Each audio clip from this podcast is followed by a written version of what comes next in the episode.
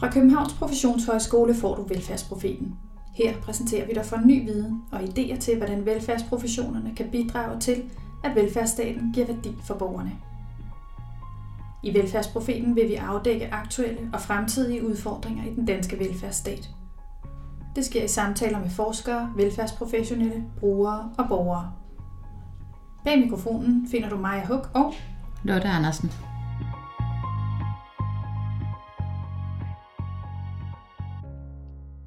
Statsminister Mette Frederiksen har ofte understreget, at vi i denne tid, der er præget af corona, som samfund skal stå sammen ved at holde afstand for at passe på samfundets ældre og udsatte borgere.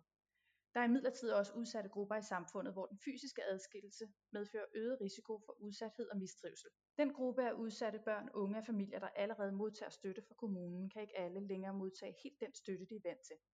Og de børn og unge, som kommunen endnu ikke har kontakt med, har været vanskeligere at opspore.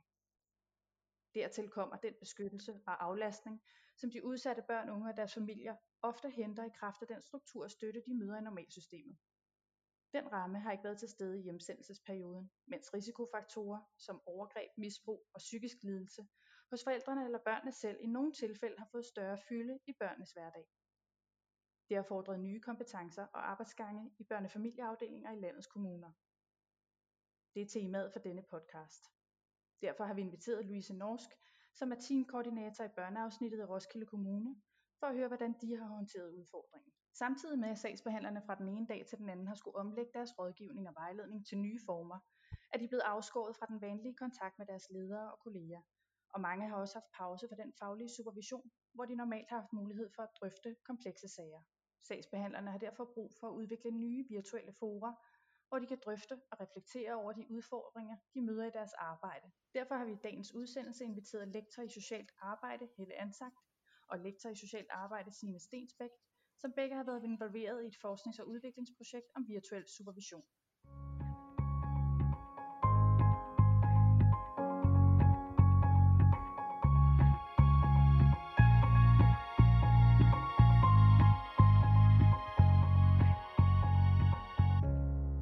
Louise. Velkommen til Louise.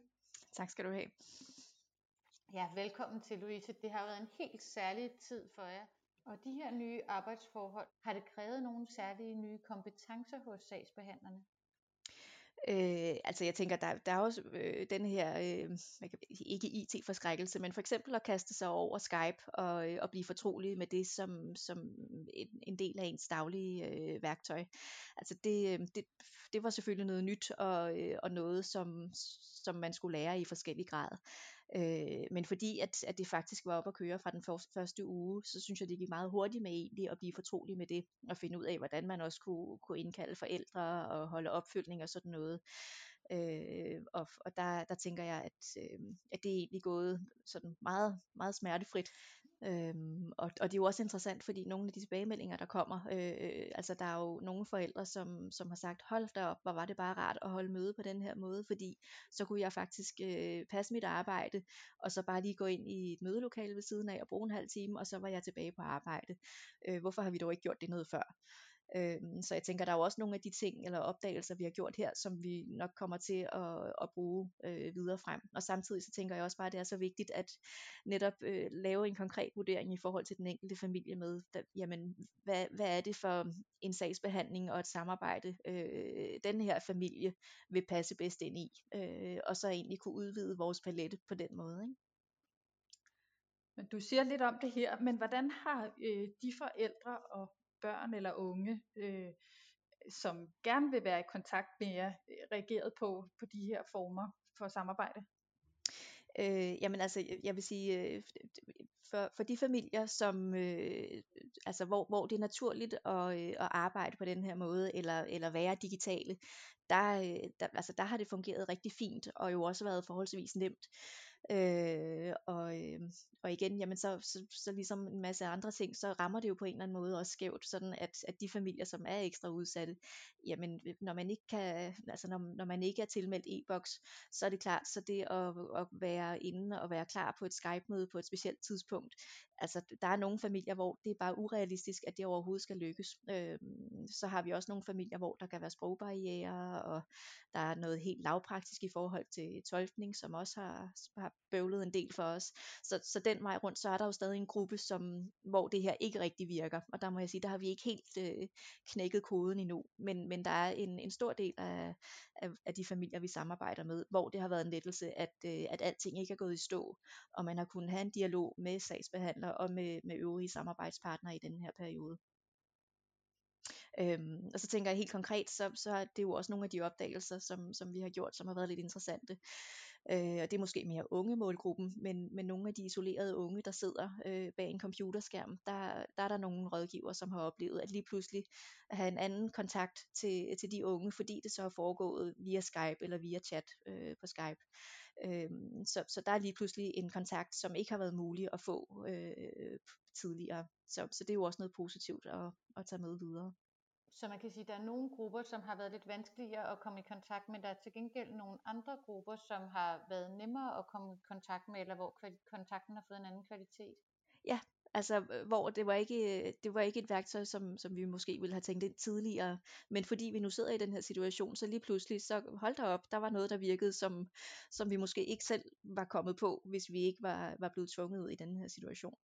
Er der andre effekter af den her periode, du har været overrasket over? Øh, altså det, det er jo sådan lidt på, øh, på, på enkeltmands øh, niveau, men, men altså, der er jo også en rådgiver, som er kommet tilbage og har sagt, jamen børnesamtaler øh, øh med, med den her dreng, det har simpelthen bare altid været så svært, og, øh, og jeg har aldrig rigtig kunne komme komme ordentligt omkring eller få ordentligt hul på det. Og, øh, og nu prøvede jeg simpelthen at ringe, fordi jeg jo ikke må mødes med vedkommende. Og, øh, og vi har simpelthen talt sammen i 20 minutter, og, øh, og han har sagt så meget, som han aldrig har delt med mig før. Så, øhm, så det er jo også igen øh, interessant det her med, at, at vi har gjort en masse ting, fordi sådan plejer vi at gøre, men lige pludselig så er der jo også nogle nye ting, der åbner sig op, fordi vi er nødt til at gøre noget andet, end vi plejer. Ja, som I kan tage med over, når vi vender tilbage forhåbentlig snart til en lidt mere normal hverdag. Præcis. Altså det, det er jo lidt det her med, at øh, jamen, udvikling, det, det kommer jo også af frustration og, øh, og, og, og svære ting, som man skal løse, og, og så, øh, så kommer der jo en forløsning på nogle områder, og, og det er jo bare med at, at tage de gode, de gode ting med fra det. Jamen, øh, Louise, det lyder jo som om, I har fundet formen af øh, mere kvalitet og mere effektivitet på øh, samme tid. Det er jo enhver kommunaldirektørs øh, drøm. Skal alt det ikke så bare være Skype-møder fremadrettet? Altså Skype kan jo rigtig mange ting, og øh, at holde møder øh, netop på skærm, det, det er jo noget, som fungerer øh, sådan som verden er lige nu.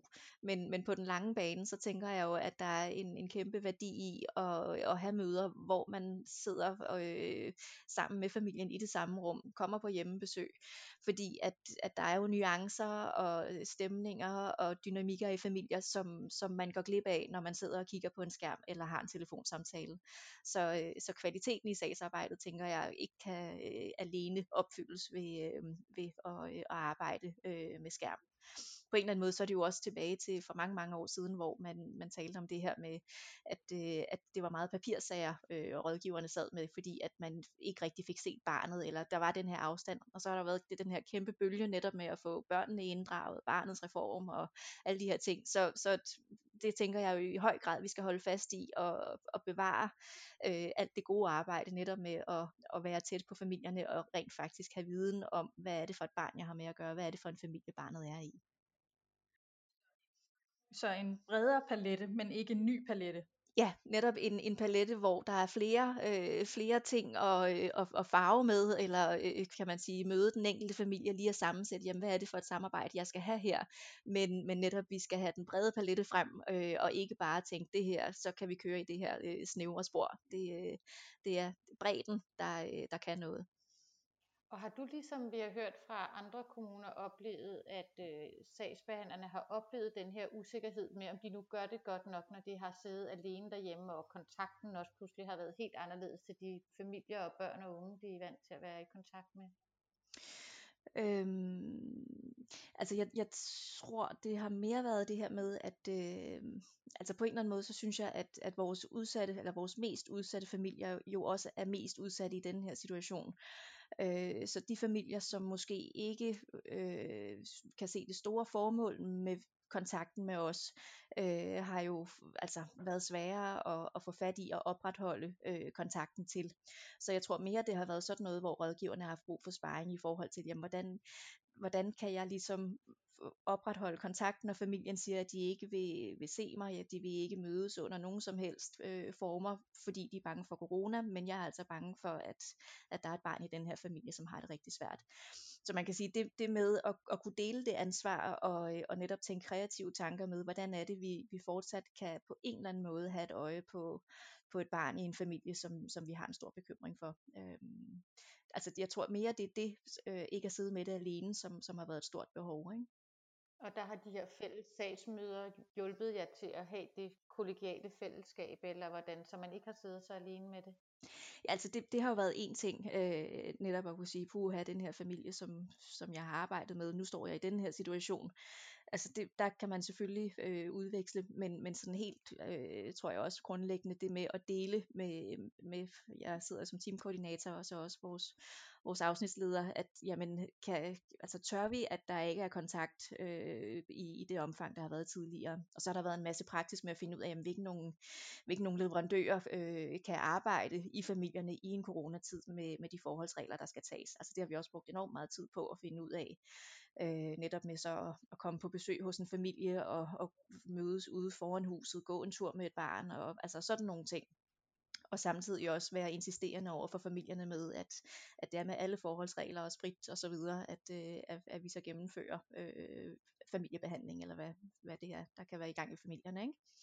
De familier, som ikke nødvendigvis er super begejstrede for at være i kontakt med jer, som du nævnte før, hvad har I gjort jer konkrete erfaringer i forhold til alligevel at opretholde en kontakt med dem? Jamen det har, øh, det har jo, altså, øh, det har været en balancegang i forhold til at, at respektere, at, øh, at folk jo øh, forholder sig øh, på forskellige vis til øh, de, de anbefalinger, der er i forhold til at, øh, at, at passe på smittespredningen med coronaen. Og samtidig så også stå på en insisteren i forhold til, øh, hvor vi er øh, på, altså, i forhold til bekymringsgraden i den enkelte familie. Øhm, så, så der er jo nogle rådgivere, som har brugt altså timer på at, øh, at, at have dialog, altså telefonisk kontakt med, med familierne og, øh, og betrygge dem i, at, øh, at det ikke øh, det, at, ja, at, at, at samarbejdet ikke skal stoppe her, og, øh, og hvis øh, vi i en periode ikke kan have kontakt, at så bliver vi jo mere bekymrede, og det kan jo have nogle andre konsekvenser. Øh, så, så der har været meget motivation i de nye rammer. Øh, og, og så kan man sige, at nogle familier har jo også brugt øh, coronaen til at, øh, at få os lidt på afstand. Så, så det har jo været noget, som, som enkelte rådgiver har arbejdet rigtig meget med og, øh, og danse omkring, og, og jo også været insisterende på, at nu kommer der altså en og besøger dig og banker på din dør, og, øh, og hvis du ikke vil, vil tale med vedkommende, jamen så bliver det simpelthen, så må du sidde indenfor i dit hus, og så må du åbne vinduet, og så må I tale gennem det vindue, men, men der skal være en kontakt. Øhm, så, så det har jo været en, en ny måde at, øh, at, at skulle være insisterende på, øh, på afstand, øh, men, men men på en eller anden måde, så, øh, så tænker jeg, at ligesom, ligesom vi alle sammen har vendet os til at skulle sidde og arbejde fra et hjemmekontor, så, så har rådgiverne jo på samme måde også vendet sig til at, øh, at arbejde på den måde, i stedet for at sidde på fysiske møder, jamen så, så lave øh, den, den dialog over telefonen. Ikke? Øhm, det, det, at rådgiverne blev sendt hjem og, øh, og skulle arbejde hjemmefra, øh, der tror jeg sådan lige da det ramte os, at der, der var måske Øh, sådan lidt en, en naiv forventning om, at hold da op, nu bliver der jo frigivet en masse tid til at, øh, at, at få, øh, få lavet nogle administrative opgaver og, og sådan nærmest komme foran med, med, med, med den del. Og, og det viste sig meget hurtigt, at, øh, at den tid, som, som måske blev strøget på nogle af de faste møder, som man ikke længere kunne opretholde, den blev så konverteret netop til det her med at, øh, at finde ud af, hvordan man kunne være tættere på de familier, som ikke øh, er så interesseret i samarbejdet. Der er jo også de øh, familier og børn, som I måske endnu ikke har fået kontakt med. Der har jo været meget fremme i medierne om, øh, at der har været ekstra pres på krisecentre, børnetelefoner mm. andre steder. Hvad er jeres mulighed for at opsøge de, eller opspore de børn og unge, som er ekstra udsatte nu her i coronatiden? Altså man kan sige, det, det har vi jo også, øh, altså vi har jo også fulgt med i netop den stigen, eller den, ja, de oplysninger, der er kommet om, om øh, altså flere henvendelser til krisecenter osv. Øhm, og, og man kan sige, der, altså det lyder jo lidt hårdt, men der kan vi jo ikke rigtig gøre andet end at vente på, at, øh, at, at der er nogle andre, der, øh, der finder ud af, hvad det er for nogle børn, og så bringer det frem til os. Fordi vi kan jo sagtens have øh, antagelser om, at, øh, at en familie, vi, vi har en stor bekymring i, øh, at, at der kan forekomme nogle ting, som, som ikke er udviklingsfremmende for barnet. Men det er jo ikke nødvendigvis, at det er det barn, som, som bliver udsat for overgreb i den her situation.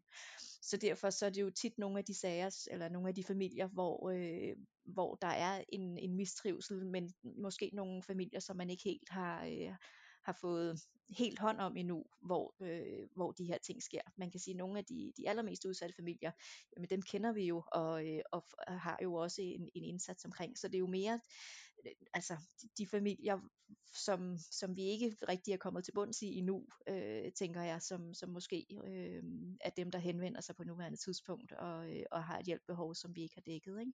Så hvis du her til sidst, Louise, kan sige lidt om, hvad forventer du dig af, af den kommende tid, som I kigger ind i? Altså har I nogle pukler eller nogle fortsat nye arbejdsgange, som vi skal have, have håndteret?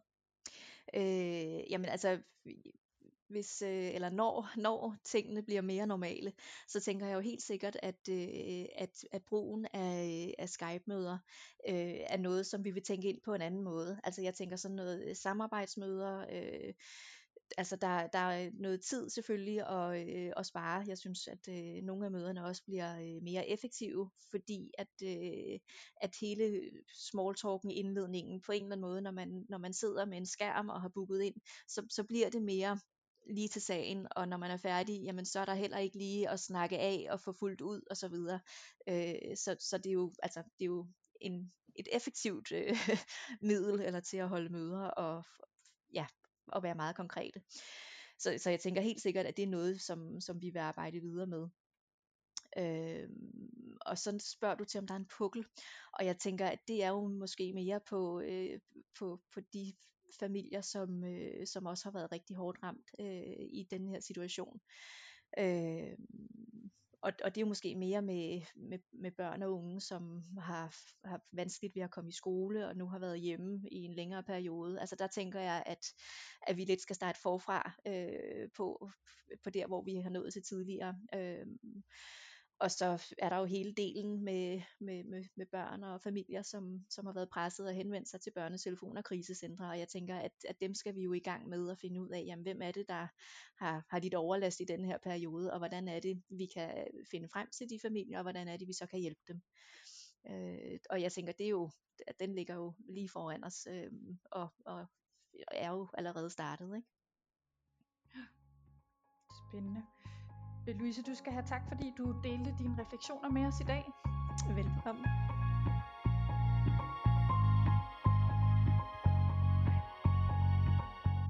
Som Louise Norsk har fortalt om, har mange sagsbehandlere været nødt til at finde alternative metoder til at bibeholde kontakten til de børn, unge og familier, de skal hjælpe og vejlede. Og mange har også haft pause fra den faglige supervision, hvor de på vanlig vis har haft mulighed for at drøfte komplekse sager. Derfor har vi inviteret lektor i socialt arbejde Helle Ansagt og lektor i socialt arbejde Signe Stensbæk, som har været involveret i et forsknings- og udviklingsprojekt om virtuel supervision. Projektet Min rådgivningspartner henvender sig til sagsbehandlerne. Det er et tilbud om virtuel faglig supervision baseret på filmede samtaler mellem en ung og dennes sagsbehandler. Projektet er en del af et større forskningsprojekt kaldet Vibaso, som Københavns Professionshøjskole indledte allerede i 2014. Velkommen Helle Ansagt, og velkommen Signe Stensbæk. Tak skal du have. Tak for det. Ja, velkommen til. Kunne I ikke lige indlede med at fortælle lidt om Vibaso, eller måske mere præcist min rådgivningspartner? Hvad er egentlig formålet med virtuel supervision og kompetenceudvikling? Jo, det kan jeg lige starte lidt med at gøre. Øh, altså man kan sige, Vibaso, det står jo for vidensbaseret socialt arbejde. Og grundideen i Vibaso, som sådan er det overordnede projekt, projekthatten kan man sige, det er egentlig at understøtte socialt arbejdes praksis i at arbejde mere vidensbaseret og gerne forskningsbaseret. Som en del af Vibaso-projektet har vi så øh, testet et supervisionsredskab, som vi kalder min rådgivningspartner. Øhm, og der er sådan altså helt kort tale om altså både en virtuel og videobaseret supervisionsmetode, som har til formål at understøtte altså refleksion, øh, også udvikling af sagsbehandlerkompetencer i myndighedssamtaler med unge. Det foregår på den måde, at øh, sagsbehandlere de filmer deres samtaler, øh, og så sender de dem ind øh, til os inde på KP, hvor der sidder et supervisorkorps, øh, og vi kigger så de her samtaler igennem ud fra en øh, analysemodel, vi har udarbejdet. Kunne du fortælle lidt om den her analysemodel, Signe? ja, det kan jeg godt. Den består ligesom af tre overordnede fokusområder. Øhm, det første fokusområde, det handler om øh, udviklingsstøtte og kontakt. Øhm, altså man kan sige, hvordan er klimaet i samtalen? Øhm, hvordan arbejdes der med at understøtte den unges positive selvbillede? Hvordan arbejdes der med at understøtte den unges refleksion over egen situation? Øhm, og så er der fokusområde 2, som handler om samtalens struktur og organisering. Altså hvordan er samtalen organiseret? Øhm, hvordan bliver der rammesat? Hvordan, hvordan finder temaskift sted undervejs? Øh, hvordan afslutter man samtalen? Og så er der et tredje fokusområde, der handler om samtalens formelle opgave. Øh, og det er her, man kan sige, selve myndighedsopgaven er i fokus. Hvordan løser socialrådgiveren myndighedsopgaven? Øh, hvordan lykkes hun med at få indhentet information? Hvordan lykkes hun med at få givet information? Øh, hvordan lykkes hun med at håndtere øh, eventuelt tegn på risikofaktorer, hun skal handle på, og, og så videre. Øh, så, så det er den model, øh, den rummer de her tre fokusområder, øh, som vi altså efter at have arbejdet på det i årvis, er nået frem til, at, at de rette fokusområder, når man skal vurdere kvaliteten af en myndighedssamtale med en ung. Så giver vi så efterfølgende øh, sagsbehandlere feedback, og det gør vi så virtuelt. Øh, og så ser man så de her udvalgte klip sammen og reflekterer over dem. Og så er tanken egentlig, at så integrerer sagsbehandleren efterfølgende nogle af de her overvejelser i hendes praksis. Øh, og så filmer hun igen, og så starter den her, hvad skal man sige, cyklus egentlig forfra. Men er der nogle faldgrupper ved at gøre det på den her måde? Det er egentlig temmelig grænseoverskridende, eller kan være temmelig grænseoverskridende, at øh, se sammen på sådan et, en videooptagelse. Og der er der flere af dem, der har deltaget, som har sagt, at øh, de synes, det var øh, godt at kunne sidde bag sin skærm. Fordi at øh, supervisor har faktisk lidt sværere ved at læse mine reaktioner som socialrådgiver. Hvis jeg nu lige pludselig synes, det er lidt ubehageligt at se mig selv, jeg lyder lidt mærkelig her, jeg ser lidt mærkelig ud, øhm, så, har det, så har det været en, en behagelighed at kunne blive i sin comfort zone, og ikke sidde face to face med, med supervisoren. Men det er jo samtidig også lidt en, en faldgruppe. Altså man skal egentlig ikke, man skal ikke tro, at man kan erstatte face-to-face kontakten øh, helt. Så det her, øh, den her virtuelle øh, supervision, den skal helst kombineres med, at man har i hvert fald et par møder øh, indimellem i sådan et forløb, hvor man sidder sammen og ser hinanden i øjnene, og kan læse hinandens kropssprog, og øh, kommer tættere på hinanden, end, end øh, det her øh, redskab lægger op til. Der er ligesom to øh, niveauer af, virt- af det virtuelle mm, yeah. i den her supervision. Der er jo først det med, at øh, sagsbehandleren har optaget samtalen. Det er jo en form for en virtuel deling, og så er der det selve det virtuelle supervisionsmøde. Hvad betyder det, at øh, man kigger på en video og sammen ser på, hvad der sker til modsætning øh, til mere sådan traditionel supervision, hvor sagsbehandleren genfortæller en sag? Mm. Ja, altså man kan sige, at det her det er jo det, man kalder direkte supervision.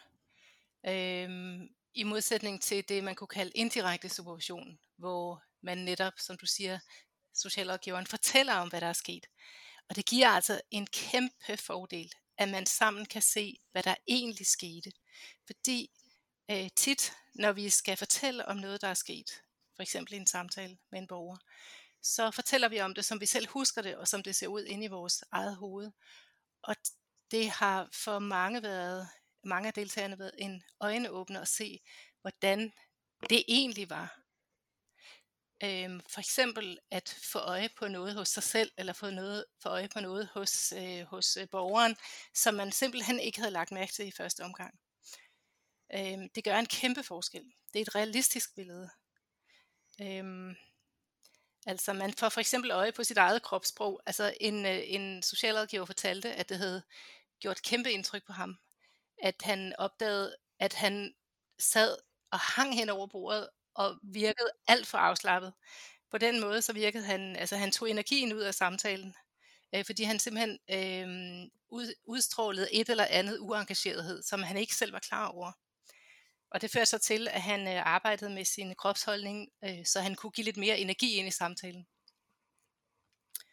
Øh, det er sådan et eksempel på, hvad, man, hvad det her kan bruges til. Og er det noget for alle det her? Altså hvad har, hvad har sådan tilbagemeldingerne været, ud over det I nævner her fra socialrådgiverne? Altså øh, generelt har folk synes de fik utrolig meget fagligt udbytte af det. Altså vi har både lavet sådan nogle interviewundersøgelser, og vi har også lavet nogle spørgeskemaundersøgelser, og vi er oppe på en meget høj tilfredshedsprocent. Øh, og det folk, altså folk synes, de har fået, altså de har udviklet sig meget fagligt af det. Øh, har lært nye metoder, nye teknikker, øh, opdaget ting hos sig selv, men også opdaget øh, ting hos, øh, hos deres borgere. Øh, fået ny viden om borgerne. Og øh, altså, jeg vil sige, ja, det er faktisk noget for alle, men man skal turde kaste sig ud i det. Hmm. Øh, og nogen har været øh, måske noget nervøse ved indledning.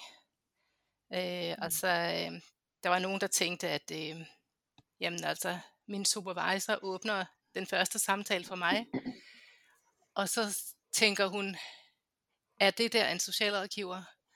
Øh, har hun overhovedet fået en, ud, fået en uddannelse? Hvad er det egentlig, hun sidder og laver?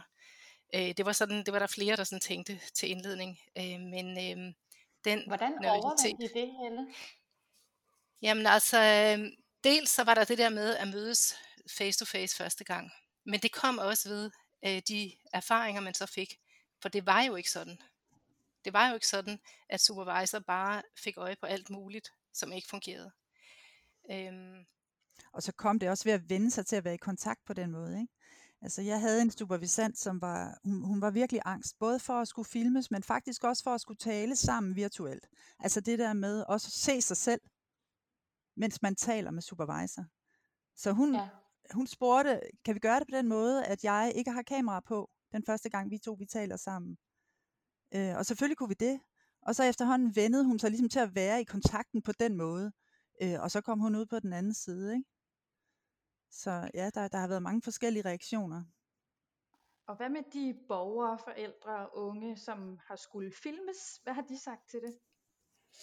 Ja, det er jo lidt sjovt, fordi at mange af socialrådgiverne sagde inden, vi får mm. aldrig nogen unge til at lade sig optage, og deres forældre vil helt sikkert ikke give samtykke osv. Der var også enkelte forældre især, som ikke øh, synes det var en god idé, det, og de skal jo give samtykke, hvis det er en ung under 18. Men øh, altså de allerfleste var med på det, og øh, der tror jeg nok, at socialrådgiveren havde undervurderet, hvor øh, sådan kan man sige, integreret digitale elementer er i unges hverdag. Og mange unge synes bare, det var sjovt, og havde det helt fint med de der kameraer. Hmm. Og man kan også se på optagelserne, at det kan godt være, at både den unge og socialrådgiveren er en lille smule påvirket af kameraets tilstedeværelse lige i starten af samtalen. Men så, kan man, så det går meget hurtigt over, og så lægger de ikke mærke til det mere det er, jo, det, er jo, det er jo meget motiverende at skulle være med til at lære sin sagsbehandler noget. ja, så det, det ændrer noget på magtrelationen, eller hvordan imellem borger og sagsbehandler på en måde? På en eller anden måde, så påvirker det nemlig lidt den der asymmetriske relation, ikke? at jeg har noget at give dig. Ja. Ved at være med i det her, ved at medvirke til det her. Ikke? Begrundelsen har jo været, når socialrådgiveren har skulle præsentere det for den unge, er, jamen jeg skal lære at blive bedre til at tale med sådan nogen som dig. Øh, fordi jeg er ikke, øh, jeg, jeg, jeg synes ikke, jeg selv er færdiguddannet, eller jeg har masser at lære. Vil du hjælpe mig med dig? Med det? Vil du hjælpe mig med det? Øh, og det har, altså de unge har oplevet det som netop noget, jamen altså, hey, det er ikke kun dig, der kan hjælpe mig, jeg kan også hjælpe dig. Ja. Og tænker I, at der er nogle af de her erfaringer med, øh, at, at nu har sagsbehandlerne modtaget virtuel supervision hos jer, men at de også kunne trække på nogle af de erfaringer i forhold til deres vejledning af de unge og familierne. Kunne man forestille sig, at familierne gjorde noget af det samme, filmede sig selv, eller øh, fik øh, supervision eller vejledning på den måde? Altså nu kan man sige, at den her, øh, den her coronasituation øh, lægger jo op til det her med, at vi må tænke i nye baner. Øhm, altså jeg er en lille smule skeptisk i forhold til at øh, tro på, at virtuel kontakt grundlæggende kan erstatte rigtig kontakt.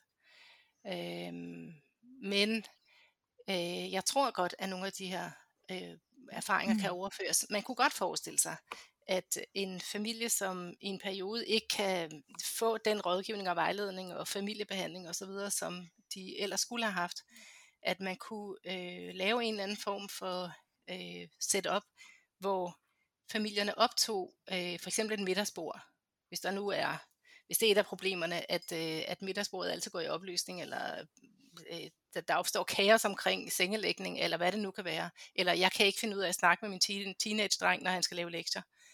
Altså så kunne man godt, hvis familien var med på det, øh, lade dem optage en samtale, eller et, et, et, øh, en seance, og så kunne socialrådgiveren eller familiebehandleren øh, give øh, respons og feedback på det ved at klippe noget ud og vise øh, samtale og, og, og, og samspilsekvenser. Det, det kunne man godt forestille sig. Det er ikke noget, vi egentlig har arbejdet med. Men jeg ved ikke, hvad siger du, Signe?